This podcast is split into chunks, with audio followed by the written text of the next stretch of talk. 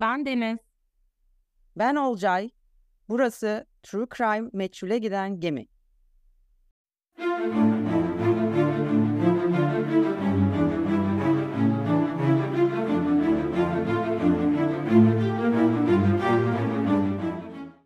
Merhabalar, merhabalar. Nasılsın Olcay?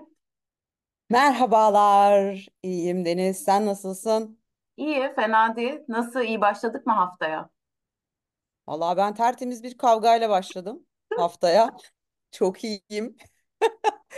Yani bir toplantı, toplantı sonrası agresyon ve dinamiyim yani. Yani Bütün şeyi gücümü toplamış durumdayım. Sen nasılsın? İyi, normal. Yani sıradan. Aa, ama bilmen gereken bir şey var. Benim yeni bir Ne? arkadaşım var ve seninle paylaşmadığım şeyleri onunla paylaşıyorum. Ne? Voice of Friends'i onunla mı paylaşıyorsun? Kim ya o? Adını Nasıl anladın? Çünkü benle o e, şeyin tatmin edemiyorsun yani o beklentini ve birine ihtiyacım var. Kim o? Dinleyicilerimizden Sümeyya var. Sümeyya Demirbağ. Kendisi The Voice izliyor ve biz onunla e, The Voice goy goyu yaptık. Geçen mesela şey Mika ile yine dalga geçtiler. Mika'ya dediler ki do you enjoy it here falan İngilizce konuştular. Bence çok komikti. Bir tek Sümeyya ve benim güleceğimiz bir anımı da anlatmış oldum. Selamlar Sümeyya. Peki arkadaşlığınızı yandan böyle pis pis izleyeceğim ve dahil olmam yerde da dahil olacağım. Araya fitne sokacağım. Neyse o zaman konuyu değiştireyim. Çok güzel gözüküyorsun. Makyaj yapmamışsın gibi davranacağız mı yine? Aa, yok hayır bugün yaptım çünkü toplantım vardı. Takdir edersin ki toplantılarda. Bir şey soracağım. Ee, makyaj dedin. Makyaj dedin de aklıma geldi. Hadi bakalım. Makyaj dereceleri vardır. Sen de bunu şey yapar. Mesela bir toplantı makyaj ya- makyaj yapmayı hak ediyor mu? Sabah Tabii ki. 10'daydı bir toplantım. Hangi toplantılar mesela mak benim e, ve de mesela şey e, ne kadar makyaj? Benim mesela ruj sürebilecek kadar bir makyaj yapabilmem için o toplantının sonundaki kitabın en az 50 bin satması lazım.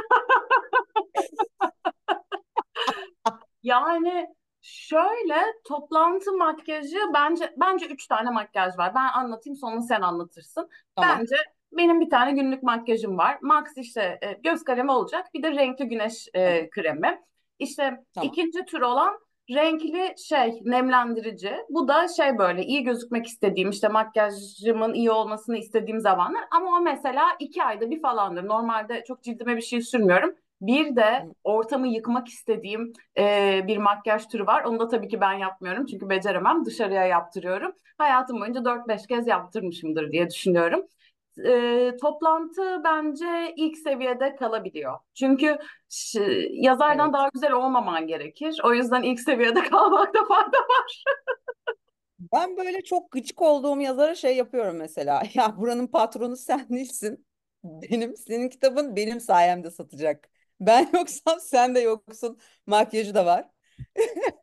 Bir de mesela şirket içinde ya özellikle hani kadın çalışanların çok olduğu şirketlerde e, yani şeyi e, ne denir seviyeyi belli etmek istediğinde ortamda bir agresyon varsa yani biri senin kuyunu kazmaya çalışıyorsa ya dostum ben senden daha güzelim sen ne konuşuyorsun makyajı da var.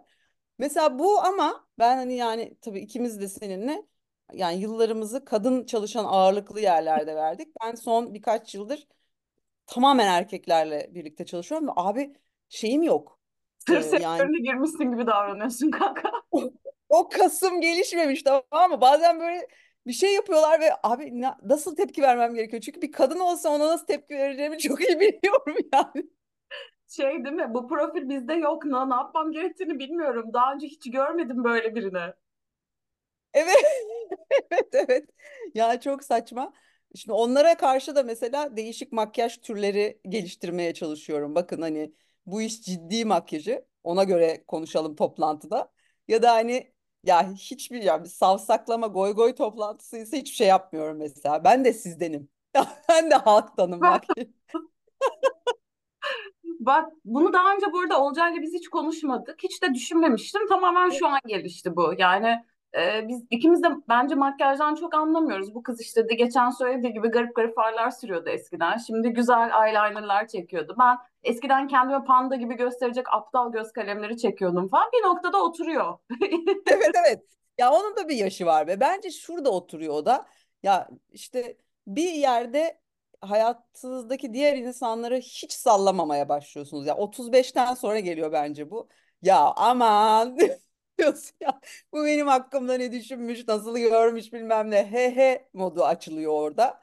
Bence oradan sonra da makyaj oturuyor abi. Kesinlikle. Neyse bizi dinleyen iki üç erkek var zaten. Hiçbir e, hepsi şu an kaçmıştır diye düşünüyorum. Dinleyicilerimizi daha fazla kaçırmamak için konuya girelim diyorum. Ne dersin? Hadi artık lütfen evet. Bu arada Poor Things'i hala izlemediyseniz izleyin. Olcay'a da söylüyorum. Sinemaya gitmeyi sevmemekle beraber Poor Things'i izlemelisin. Çünkü benim hayatımda izlediğim en iyi filmlerden biri öyle söyleyeyim.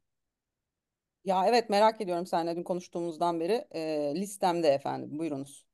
Şimdi 2011 yılına gidiyorum. 29 Nisan 2011. Hatırlar mısınız? Çünkü spesifik bir gün. Kraliyet ailesinde olan biteni takip ediyorsanız zaten eee, bunu çok rahat hatırlarsınız. Çünkü asıl düğünün olduğu gün. Meghan'dan bahsetmiyorum. Kate Middleton'dan bahsediyorum. Prens William'dan bahsediyorum. Onların düğününden bahsediyorum. That Aa, day. kalpler, şu an her yer kalp. Hatırlıyorum bu arada o günü çalışmıyordum. Üniversite öğrencisiydim. Mezuniyetimizde böyle bir ay falan kalmıştı. Öyle şey e, saçma sapan takıldığımız zamanlar çok az sorumluluk falan diyeceğim ama öyle değil. Garip bir şekilde iş bulabilecek miyim korkusunun saldığı da bir dönem. Şu anki hayatımı mı tercih ederim o günümü şu ankine. Sen Tabii ki. Tabii ki yani. Ya böyle şey falan diyorlar işte keşke tekrardan üniversitede olsam. Keşke tekrardan lise. Abi ne olacağım ya? asla. Sa- Saçma sapan. Asla istemiyorum ya. Ve o yaşlar o böyle hocalar, ödevler, dersler falan. İğrenç bir dönem ya bence üniversite özellikle. Çok kötü, çok kötü. Bir de ben iki de hep tane şey daha fazla bira içeceğim diye üniversite zamanını şey yapamayacağım ya güzelleyemeyeceğim. Ya aynen öyle. Bir de o belirsizlik yani çok sinir. Şimdi üç aşağı beş yukarı tamam geleceğimiz iyi gözükmüyor ama gözüküyor Ya yani. neyse yani en azından bir şey gözüküyor. O zaman hiçbir şey gözükmüyor. Kapkaranlık yani. Neyse biz Kate Neyse dönelim. 2011'in kendi profilimizi çizdikten sonra biraz İngiltere'den bahsedeyim. Burası birinci Henry ve İskoçya Prensesi Matilda'nın 1100 tarihinde evlendiği günden beri Westminster Abbey, Londra Westminster'daki St. Peter Kilisesi'nde yapılan düğünlere bir yenisi daha eklenecek. Yani burada yüzyıllardır e, aynı düğünler yapılıyor. 1100 tarihinden beri evet 1100 yılından beri. Ee, bizim için hiçbir önemi olmayan kraliyet evliliği yine de hatırlayalım. Ekim 2010'da Kenya gezisinde Prens William Kate'e evlenme teklifi etmişti. Aa, 12 Aralık 2010'da resmi nişan fotoğrafları yayınlandı ve o gün sabahın 8'i itibariyle konuklar gelmeye başladı. Tahmin edersiniz ki yabancı kraliyet ailesinin üyeleri, hükümet ve İngiliz Milletler Topsu- Topluluğu'nun temsilcileri gibi resmi konuklar var. Onlar dışında çiftin arkadaşları var ve işte David Beckham, Sir Elton John gibi işte spor ve eğlence dünyasından isimler var. Özetle e, özel olarak davet edilmiş yaklaşık 2000 kişilik bir konuk listesi var. Hepsi kiliseye doğru gidiyor. Bu arada ilginç bir bilgi yani bize ilginç geldi. O gün ayrıca resmi tatil ilan edilmiş. Aynı özeni şahsen ülkemde kendi nikahımda da beklerdim ama viski viski. Neyse bunu da geçiyorum böylece. Resmi tatil işte çılgınlıklar, herkes çok kalabalık falan. Bütün İngiltere'nin gündemi bu. Bu arada hazır bahsetmişken Meghan ve Henry'nin de işte burada evlendiğini biliyoruz. Daha doğrusu Windsor Şapeli'nin Windsor Kalesi'ndeki St. George Şapeli'nde evlendiğini biliyoruz. Ve e, yeri gelmişken Meghan'ı seviyor muyduk Olcay? Ah hiç sevmiyoruz. Bir daha sevmeyelim ve sonsuza kadar sevmeyelim. Şey olmuş onu gördün mü sen? İkisinin iki bebişi vardı ya bunların Evet. ufaklık. Onların soyadı falan değişmiş bu arada. Ya of, saçma sapan işler yapıyor aykırı olacağız diye. Yine gereksiz Me- gereksiz sevmiyorum Meghan seni Megan. hoşlanmadığım kadınların birleşimi. Hep mağdur, Evet, hep ilgi odağı evet, olmak istiyor, hep needy, hep böyle bir şey, a- evet, evet. abartılı tepkiler. Ecüş bücüş de diyelim mi onun için? Ecüş bücüş. E, düşmüş. Ya değil aslında daha da öyle diyelim ne olacak bizim podcast'imiz Aman be diyelim mi?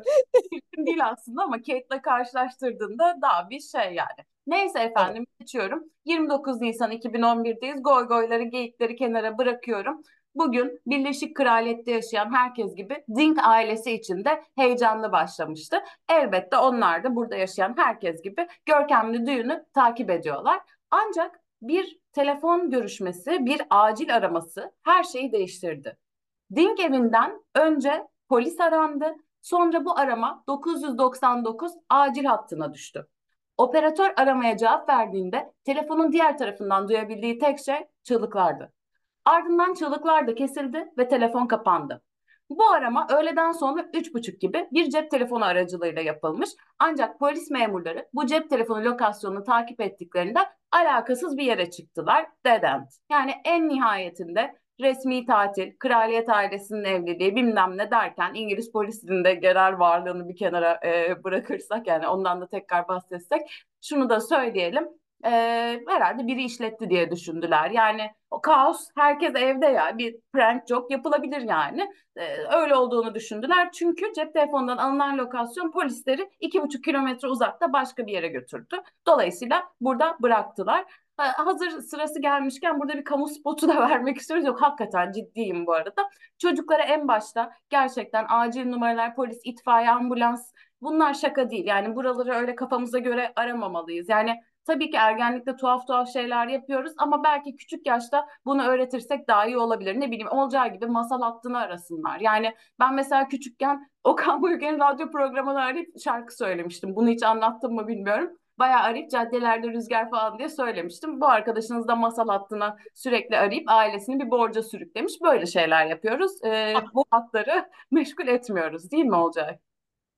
Ya kesinlikle en azından kendi ailemizi çökertiyoruz. Başka insanlara zarar vermiyoruz. Hakikaten ama bu böyle bilinçli bir şekilde çocuklara öğretilmeli ya küçük yaştan itibaren. Saçma sapan işler yapma yani. Her şeyi yap, git işlet insanları ama e, yani gidip ne bileyim acil durum hattına işte a- şeye itfaiye vesaire gidip arama yani.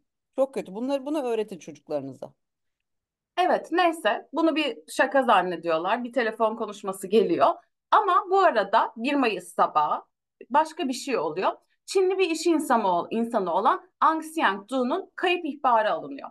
Du, Birmingham'da bir bitkisel ilaç dükkanına ortak ve iki gün önceki resmi tatilden bu yana kimse ondan haber alamamış.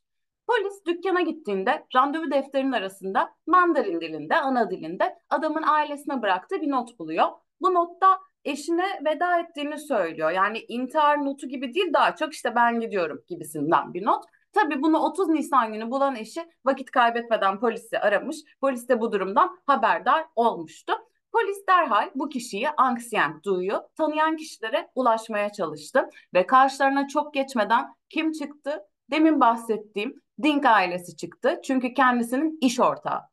Böylece bir polis memuru Dink ailesiyle görüşmek üzere Wooton'a gitti. Tekrardan kısa bir özet yapıyorum. İsimler değişik karışabilir. Dink ailesi ilk başta söylediğim telefonda yardım için arayanlar, çığlık e, atan insanların olduğu aile.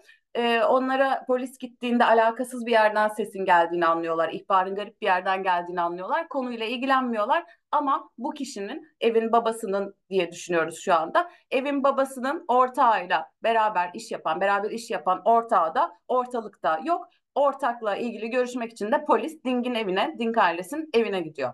1 Mayıs pazar günü akşam saat 6'da polis Dink ailesinin Wootton'daki evine ortakları Suu Kyi'den haber alıp almadıklarını öğrenmek üzere gitti. Gitti gitmesine ama burada korkunç bir manzarayla karşılaştılar. Dink ailesinin 12 yaşındaki kızı Alice, 18 yaşındaki diğer kızı Zink, anne Helen ve baba Jeff vahşi bir şekilde defalarca bıçaklanmış halde evlerinde ölü bulundular. Yani 29 Nisan öğleden sonra saat 3 civarı alınan acil araması üzerinden tam 42 saat geçtikten sonra polis ancak onları buldular. Onu bulma nedenleri de başka birini aradıkları içindi. Bu arada bunu tekrar vurgu yapmak istedim. Küçük kız yatağında cenin pozisyonda yatıyordu. Karnından dört kez bıçaklandığı için müthiş bir acıyla bilincini yitirmiş olmalı. Büyük kız da aldığı 11 bıçak darbesiyle yere kapaklanmıştı. Olay yeri inceleme hemen olayı odağına aldı ve ilk yapılması gereken elbette ölüm saatinin belirlenmesiydi.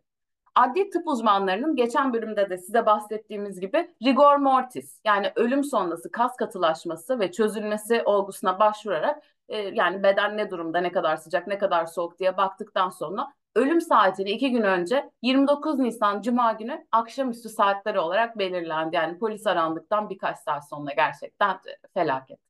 Her cinayette öncelik içeriden dışarıya mı çıkılmasıdır? Yani içeriden mi? Yani aile içi bir şey midir diye her zaman ilk aileye bakılır ya. İşte intihar durumu mu, biri işte cinnet geçirdi ve işte birbirlerini mi öldürdüler, işte Burari olayındaki gibi bir şey mi falan filan diye bu araştırıldı. Ama bu ihtimal elendi. Bunun nedeni de bedenlerin duruş şekilleri, kanın dışarı çıkış açısı vesaire. Her bir bedende müthiş bir mücadele verildiği belli oluyor. Dolayısıyla ortada bir katil var ve ölenlerden biri kesinlikle bu katil değil gibi. E kim bu Dink ailesi? Birazcık anlatalım mı? Bu dört kişilik aile kimler? Dink ailesi isimlerinden de anlayacağınız gibi Çin kökenli dört kişilik bir aile. Profesör Jifeng yani Jeff Dink olarak bahsedeceğiz. Eşi Helen Chui ve iki kızları Zink 18 yaşında olan ve 12 yaşında olan Alice. Kızlar çok yetenekli birer kemancı olmanın yanı sıra derslerinde de çok başarılılar. Büyük kızın kimya, latince, matematik ve biyolojiden müthiş notlar aldığı biliniyor. Ayrıca kendisi bir sonraki dönem Nottingham Üniversitesi'nde bir tıp o, tıp okuluna gidecek ve bu teklifi çoktan kabul etmiş. Çok başarılı. Genel olarak zaten e, küçük Çinli kızlar çok başarılı oluyor başka ülkelerde. Ne olur ırkçı gibi olmayayım da anladınız demek istediğimi. Bunlar da tam olarak bu stereotip. Anne ve babaya bakalım. Anne baba 1990 yılında İngiltere'ye göç etmiş, göç etmişler. 46 yaşındaki Jeff Dink, Manchester Metropolitan Üniversitesi Kimya ve Çevre Bilimleri Fakültesi'nde öğretim görevlisi. Eşi 47 yaşındaki Helen Dink de Northampton'da yerel bir okulda çalışıyor. Ayrıca Birmingham'da bir Çin bitkisel ilaç dükkanı işletiyorlardı. İkilinin 53 yaşındaki Ang Siang-du ve dördüncü ortak Paul Delaney ile de ortaklıkları vardı. Zaten polis de bu ailenin evine Ang Siang-du kaybolduğu için onu görüp görmediklerini sormaya gelmişti deyip tekrardan başladığımız yere dönüyorum. Ya bu aileyi kim öldürmüş olabilir? Ne olmuş olabilir? Söz konusu aile Çin kökenli bir aile. O yüzden onların bir geleneklerine bakılıyor. Bu şekilde acaba işte katilin motivasyonunu bulabilir miyiz diye düşünüyor polis. Çin geleneklerinde intikam mevzusu mühim bir mesele ve belki buradan bir noktaya varılabilir.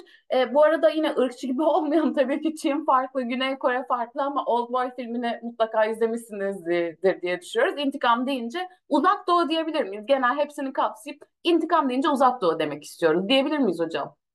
Çok çok doğru bir tespit efendim. Çok doğru bir tespit. Peki e, bu noktada tüm uzak doğululara çekik diyebiliyor muyuz? Yoksa linç mi yiyoruz orada? Çünkü ben artık o şeyi yitirdim yani. Kime ne deyince linç yiyoruz. Onu şey yapamıyorum ben. Ama sonuçta ya uzak doğuların çoğunun gözleri çekik olduğu için diyebiliriz. Mesela Türkiye'deki Ama insanların şöyle yani suslan çekik der gibi. Ha, Yani hani bir sıfat olarak değil de isim olarak çekik. Şimdi kardeşim sen her şeyi hakaret olarak kullanıyorsun. Yani çekiyi hakaret olarak kullanabilir misin? Gerçekten çekik olan birine Tamam çekik ya deyince kullanamayız herhalde. neyse kullanmıyoruz. Tamam neyse boş ver. Peki Tamam. nasıl bir yerdeyiz? Biraz da ondan bahsedelim. Çok anlatmadım. Evin bağlı olduğu yer Northampton'a bağlı Wootton kasabası. Refah seviyesi yüksek bir yerleşim evi. İşte ailenin evi gayet güzel, müstakil bir ev yani zaten İngiltere'de yaşıyorlar yani kendi başlarına. Dolayısıyla başka ailelerle yaşamıyorlar sonuçta. Durumları iyi gibi gözüküyor biliyorsunuz malum İngiltere kiraları da fena durumda. Neyse gereksiz bir şey söyledim yine. Dinkleri peki en son kim ne zaman görmüş? Nerede bu insanlar? Biliyor muyuz? Son görülme tarihi nedir? Dinkleri bir komşusu aile bir günden fazladır görmediğini fark etmiş. Gidip camların içeri baktığında orada inanılmaz bir e, kan gölü olduğunu, korkunç bir katliam olduğunu görmüş ve dedektifler bu kaybolan Çinli adam ve katledilen Çinli ailenin başına gelenlerin aynı güne denk gelmesini de tesadüfi olarak bulmuyor. Zaten bunlar birbirini tanıyan ortaklar. E, burada nereden tanışıyorlar ondan da biraz bahsedelim size. Dink ve Dular nasıl tanışıyorlar? Her iki adamın da eşi aslında onları tanıştırmış. Hanımlar ilk başta arkadaş olmuş. Sonra kocalarını, eşlerini tanıştırmışlar. Böylece birlikte bir bitkisel ilaç dükkanı açmaya karar veriyor iş. Ee, size kendi kurallarımızdan biri olan bir şey söyleyelim. Gurbette kendi milletinden insanlarla iş yapma. Yapma arkadaş, yapma. Yani akrabayla iş yapmak kadar saçma bir şey bu gerçekten. Değil mi Olcay? Yapma. Yapma yapma yani onu hiç yapma. Hatta gurbette mümkünse kendi milletinden insandan uzak dur yani. Evet. Ee, alışveriş bile yapmazsan hani daha iyi olabilir senin için. Evet, daha iyi olabilir. Bu da yani bi- bizim bir şeyimiz olsun, bir önerimiz olsun ne diyelim yani. Neyse ama bu arada işler kötü mü gitmiş? Hayır, işler gayet iyi gitmiş. Ailelerin durumları çok iyi. Hatta bu dükkandan toplam 3 tane açmışlar. Ve e, Çin'de sağlayamadıkları refah İngiltere'de kendi çocuklarına sağlıyorlar. Bu da zaten Çin'den buraya taşınma nedenleri daha ne istesinler ki? Ama e, bir noktada tabii ki para da arttıkça çatışmalar başlıyor. Ve Dinkler Aung San Suu Kyi'nin ortalıktan, ortaklıktan çekilmesini talep ediyorlar. Neden? Du aleyhine dönen bazı dolandırıcılık iddiaları var. Çok büyük şeyler mi? Eh, çok bir şey değil. Ama yani Aung San uzaktan böyle kendi cebine para e, indiriyor gibi duruyor böyle şey. Niye uzaktan dedim ben ya? Bayağı şey yakından yakından çok net bir şekilde kendi cebine para indiriyormuş böyle ama çok fazla inanılmaz büyük paralar değil ama yani hırsızlığın küçüğü büyüğü olmaz demiş demiştir bence ortağı ve 2004'te ortaklıktan atılmış. Bunun üzerine işler daha da büyüyor artık mahkemeye taşınıyor. San ve eşi Dink ailesine karşı dava açıyor. Fakat işler düşünüldüğü gibi gitmiyor ve Dink ailesi haklı çıkıyor. Son temiz başvurusunu da kaybetmesinin ardından yaklaşık 88 bin sterlin- sterlinlik bir yasal faturayla karşı karşıya kalıyorlar ve 28 Nisan 2011 tarihinde Duya mal varlığını elden çıkarmasını engelleyen bir mahkeme emri tebliğ edildi. Yani bu parayı artık e, iletmesi gerekiyor yani. Ve bugün de 28 Nisan'da bu katliamdan bir gün önce. Du hem büyük bir borçla karşı karşıya kalmış hem de onuru iki paralık edilmiş. Polis olayın detaylarını öğrenir öğrenmez 3 Mayıs'ta Aung San Suu'yu baş şüpheli ilan ediyor ve bilgi getirenler için 10 bin sterlinlik bir ödül vereceğini duyuruyor. İngiltere'nin bir CCTV kamera cenneti olduğunu da hatırlatalım bu arada. Hem resmi makamların hem de şahısların donattığı kameralarla çevrili bir ülke. O yüzden eee, sanırım bir şeyler ortaya çıkacak. Bir de Olcay şu kameraları bize biraz anlatmak ister misin? Tabii e, senin söylediğin gibi tam bir kamera cenneti. İngiliz Güvenlik Endüs- Endüstrisi Birliği'nin 2013 yılında yayınladığı bir rapor var. E, bu rapora gö- göre Birleşik Krallık'ta 4 ila 5,9 milyon arasında kamera olduğu tahmin ediliyor. Ancak 2020 bin gibi, ay pardon, 2020 gibi yakın bir tarihte çoğu kişi ülke çapında 5,2 milyon CCTV kamerası olduğu konusunda hemfikir. E, İngiltere'de kişi başına diğer Avrupa ülkelerinden daha fazla gözetleme faaliyeti düşüyor buradan da anlayabileceğimiz üzere. En son CCTV istatistikleri her 13 kişiye bir güvenlik kamerası düştüğünü gösteriyor. E, çoğu çalışma ve makalenin sadece tahmini rakamlar vermesi nedeni de yaygın algının aksine aslında CCTV e, kameralarının sahibini, sahibi çoğunlukla hükümet değil. Ya, ya aksine e, küçük bir yüzdeyi oluşturuyor hükümet. Yine aynı rapora göre 2009 yılında yapılan bir bilgi edinme özgürlüğü talebi 418 yerel yönetim tarafından işletilen toplam 59.753 güvenlik kamerası olduğunu ortaya koyuyor. Yani aslında o 5,2 ya 5 milyon kameranın sadece 59 bini e, yerel yönetime ya da işte hükümete bağlı organlara ait. Bir şey söyleyeceğim. Acaba ilk BBG İngiltere'de mi çıktı? Çünkü gözetlemeyi seven insanlara benziyorlar. Senin küçük şakacı. Ama mesela şeyden magazin sevgilerinden yani o işte haldır uldur insanların özel hayatlarını e, merak etme olaylarından da aslında bir çıkarım yapılabilir. Çünkü aslında hükümet ve resmi kaynaklar e, tabanlı değil bu kameralar. Şahısların merakı yani. Şahıslar her yere kamera koymuş. Hatta şöyle söyleniyor. Dört tür kamera sistemi var. İşte birincisi kamuya ait kameralar. Az önce söylediğim o 59 binlik e, gruba ait. İkincisi kurumsal ve ticari CCTV sistemleri. O da işte iş yerlerinin vesaire. Ev CCTV sistemleri ve bir de kapı zilinin üstüne koyulan hani o işte şeyde falan hep e, Instagram'da falan çıkar ya şeyde videolarda kargocuyu çeken falan. Bir de onlar var. Dünyanın en yüzeysel çıkarımını yapmak istiyorum. Sen anlattıkça e, daha da ilham geliyor. Bence İngiltere ağırlıklı olarak yağış alan bir yer var. Ya Bunlar evde Evet. oturuyorlar. İşte Max pub'a gidiyorlar falan. Yakındaki pub'a gidiyorlar. Herkesin Evet. kişisel pub'u var yakında sonuçta. Dışarıdakileri de merak ettikleri için ama ıslanmaktan korktukları için bence her yere kamera koyuyorlar. Ha, O kadar ola- olası bir şey ki yani. Ben de mesela aynı şeyi düşünüyorum. Sürekli yağmur yağsa dışarıda merak ederim ama dışarıda çıkmam. Koyarım yani.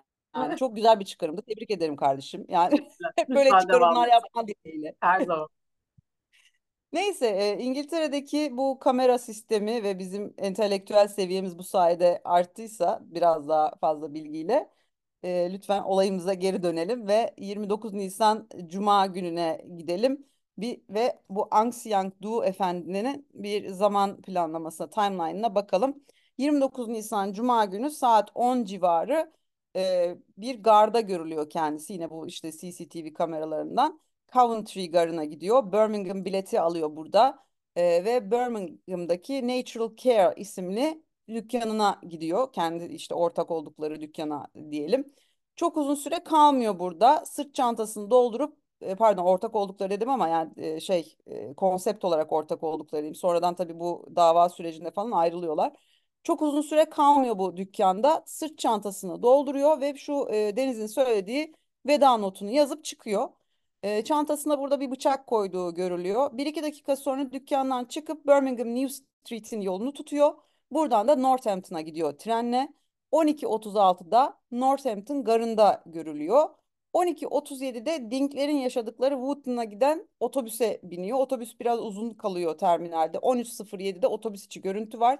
E, artık hareket halinde. Otobüs içi görüntüsünde gayet normal gözüküyor. Dav- davranışlarında herhangi bir tuhaflık yok. Yalnız sonradan yavaş yavaş Woodton'a yaklaştıkça yolculuk sırasında sık sık koltuk değiştirdiği fark ediliyor.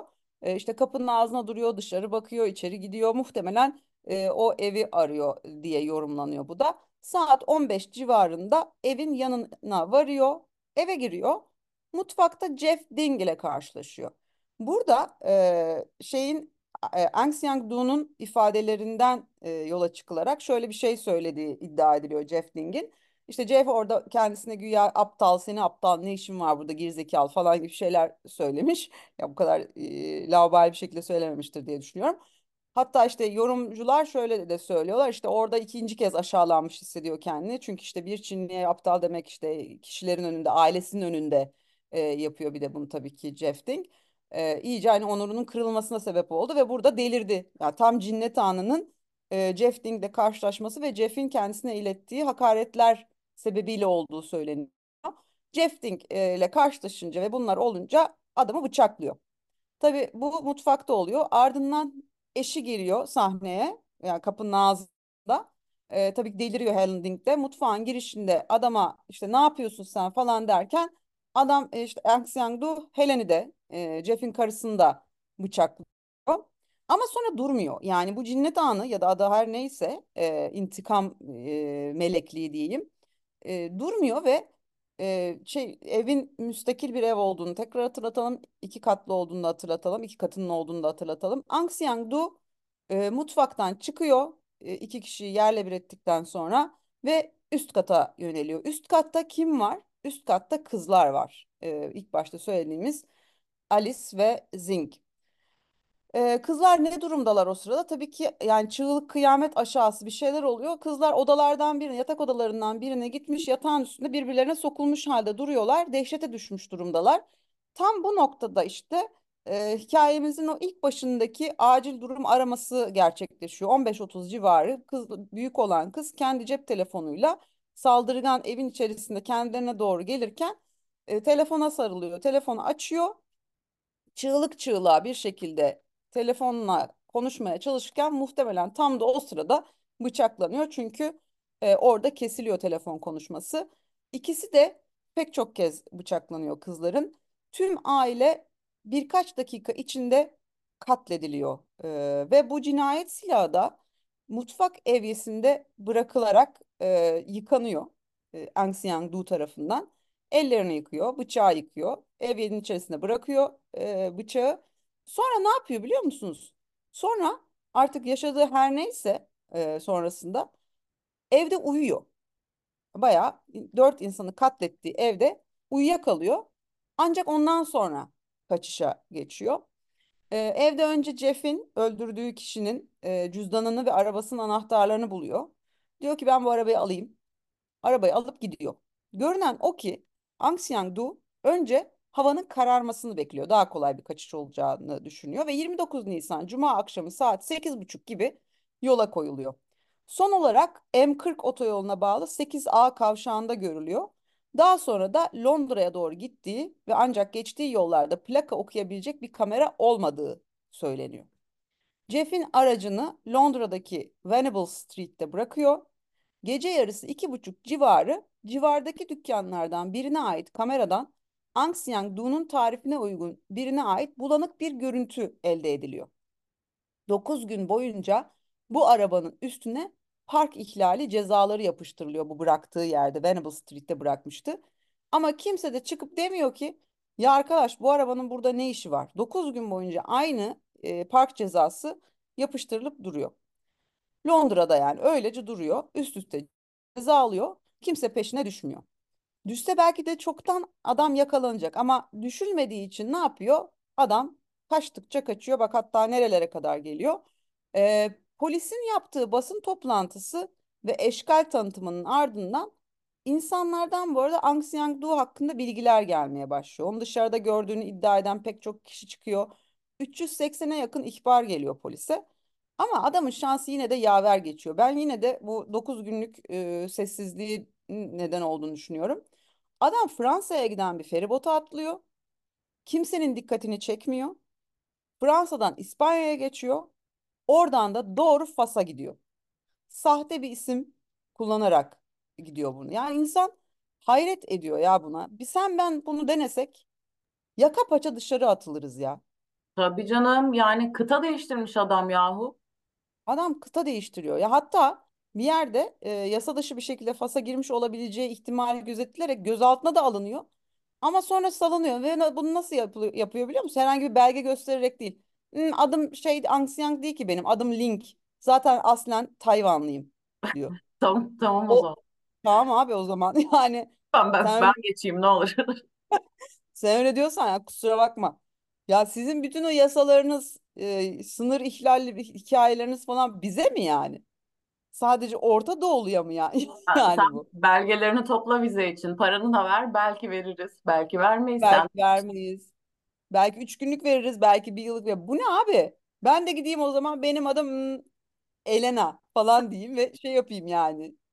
Aklıma Gerçi bu isim arada ama bir şey söyleyeceğim. İngiltere vizesinde paran kadar veriyor. Vermeye de bilir. Ama 6 aylık için ayrı para, bir lira için, ay- bir yıl için ayrı para vardı. Neyse boş ver şimdi gereksiz bir bilgi oldu. Aa, saçma sapan.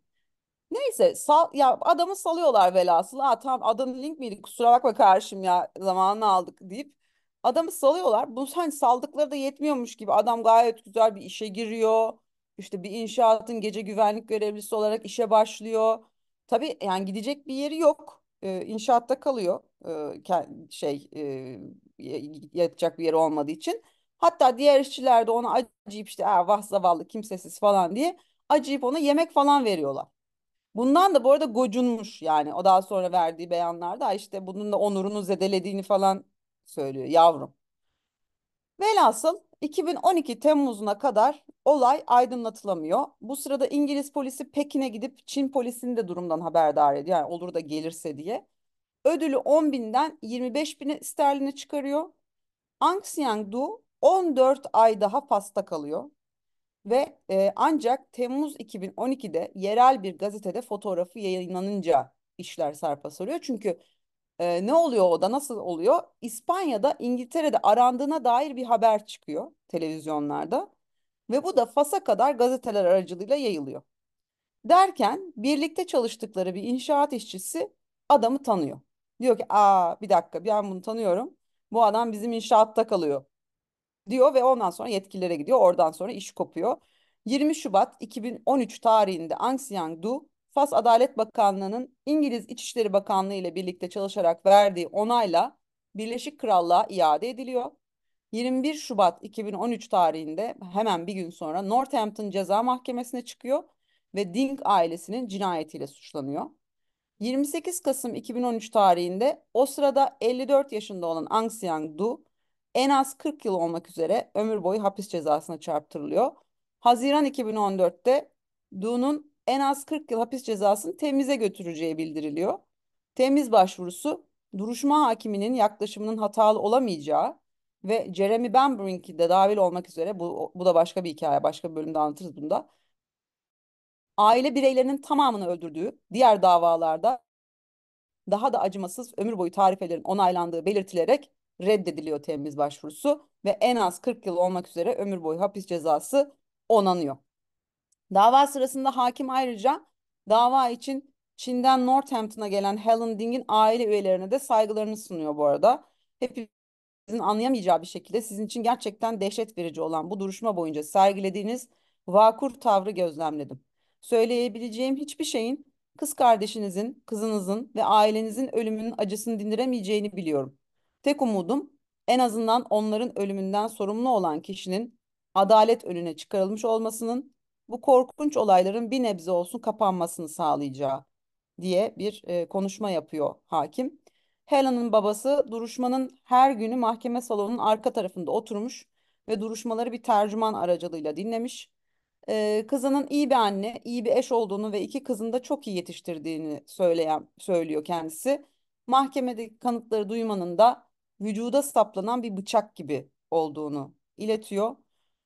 İki aile de bunu duyduğunda sanki tüm gökyüzü yerle bir olmuş gibiydi diye anlatıyor. Hep birlikte duruşma boyunca ağladık. Bu arada tüm gökyüzü yerle bir olmuş gibi ifadesi de çok et, yani çok beni çok etkiledi yani. Güzel, güzel bir tanımlama. Ya anlatıyor, o hissiyatı veriyor. Evet, Katılıyorum hakikaten. o hissiyatı gerçekten çok güzel veriyor. Ailesinden dört kişiyi öldüren adama ne söyleyeceği sorulduğunda da şunları söylüyor baba. Du'ya yaptığın şeyi neden yaptığını sorardım.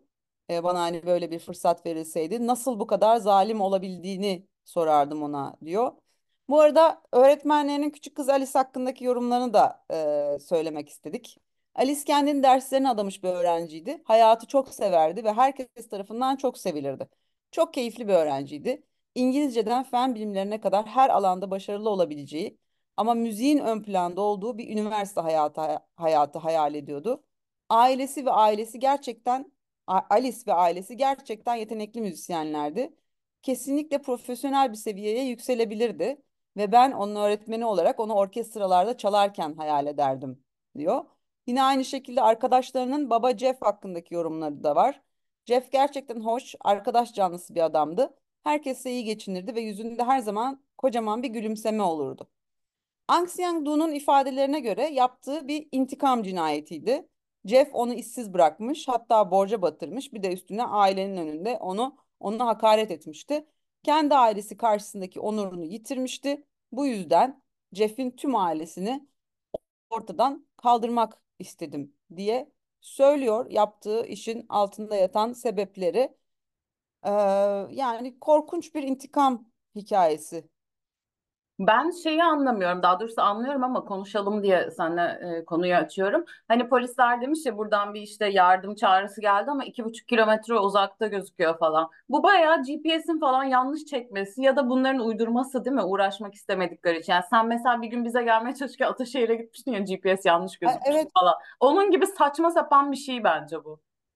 evet, evet ya, ya ve şey işte resmi tatil aman ya falan deyip işte kim bilir hangi pub'a gideceklerini düşündüklerinden.